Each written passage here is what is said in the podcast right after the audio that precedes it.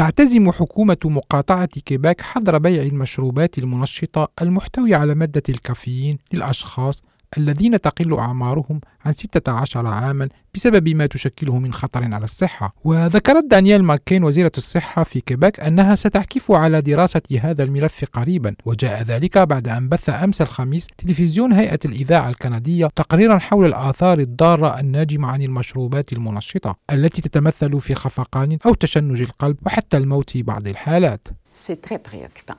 C'est préoccupant. On ne peut pas rester inactif devant des situations telles que celle-là. هذا أمر مقلق للغاية. لا يمكننا أن نبقى مكتوفي الأيدي في مثل هذه الحالات كما قالت دانيال ماكين والتقى صحفيو هيئة الإذاعة الكندية بوالدة الشاب زكاري ميتشل الذي مات غرقا في العشرين من أغسطس آب 2016 بعد تناوله لمشروب منشط. وقد خلص تقرير الطبيب الشرعي إلى أن الشاب الذي كان يبلغ من العمر 24 عاما كان يعاني من اضطراب جيني يؤدي إلى تسارع في خفقان القلب. وتسبب المشروب والنشاط الرياضي في غرقه. ولم تكن عائلة عائلة الشاب على دراية بالأعراض الجانبية الناجمة عن تناول هذه المشروبات لأن وزارة الصحة الكندية أوقفت الإعلان عن هذه الأعراض بعد تغيير تم إدخاله على اللوائح في 2013 وفي المجموع تم إبلاغ السلطات بما لا يقل عن سبع حالات وفاة بعد تناول المشروبات المنشطة وفقا للمعلومات التي جمعها فريق حصة تحقيق أونكات التي تبثها هيئة الإذاعة الكندية. وإن كان تنظيم هذه المنتجات من اختصاص الحكومة الفيدرالية فإن مراقبة عملية البيع كما هو الحال بالنسبة للتبغ أو الكحول أو الماريجوانا على سبيل المثال فهي من اختصاص المقاطعات. وقالت الوزيرة علينا أن نكون حذرين وننظر إلى القضية من جميع جوانبها ولكن عندما نسمع قصصا مثل هذه أي قصة وفاة الشاب زكاري ميتشل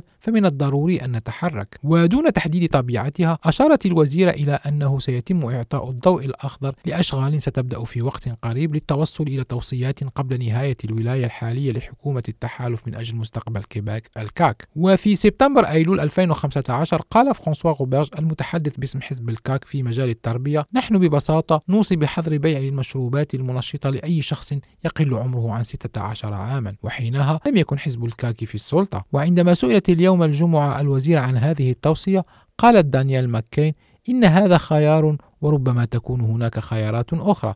هدفنا هو الحصول على أفضل حماية لصحة شبابنا. وللإشارة فإن أحدث دراسة كندية حول هذه المسألة تعود إلى عام 2015 قام بها ديفيد هامو الأستاذ والباحث في جامعة واترلو في أونتاريو. وقام باستطلاع آراء 2048 شخصا تتراوح أعمارهم بين 12 و 24 عاما. ووجد أن ما يقرب من نصف الذين تناولوا مشروبات منشطة قد عانوا من رد فعل سلبي واحد على الأقل. ومن بين الأعراض الناتجة عن هذه المشروبات الصداع وتورم الوجه وآلام الكلى والأرق والهلوسة والإكتئاب وفقدان الوعي وزيادة معدل ضربات القلب. والحكومة الكندية على دراية بهذه المشاكل. وحصت وزارة الصحة الكندية 143 رد فعل سلبي عند 65 شخصا في الفترة الممتدة من 2003 إلى 2013 سنة توقفها عن نشر هذه المعلومات. ومعظم الذين عانوا من هذه المشاكل من الرجال وكان متوسط أعمارهم 24 عاما.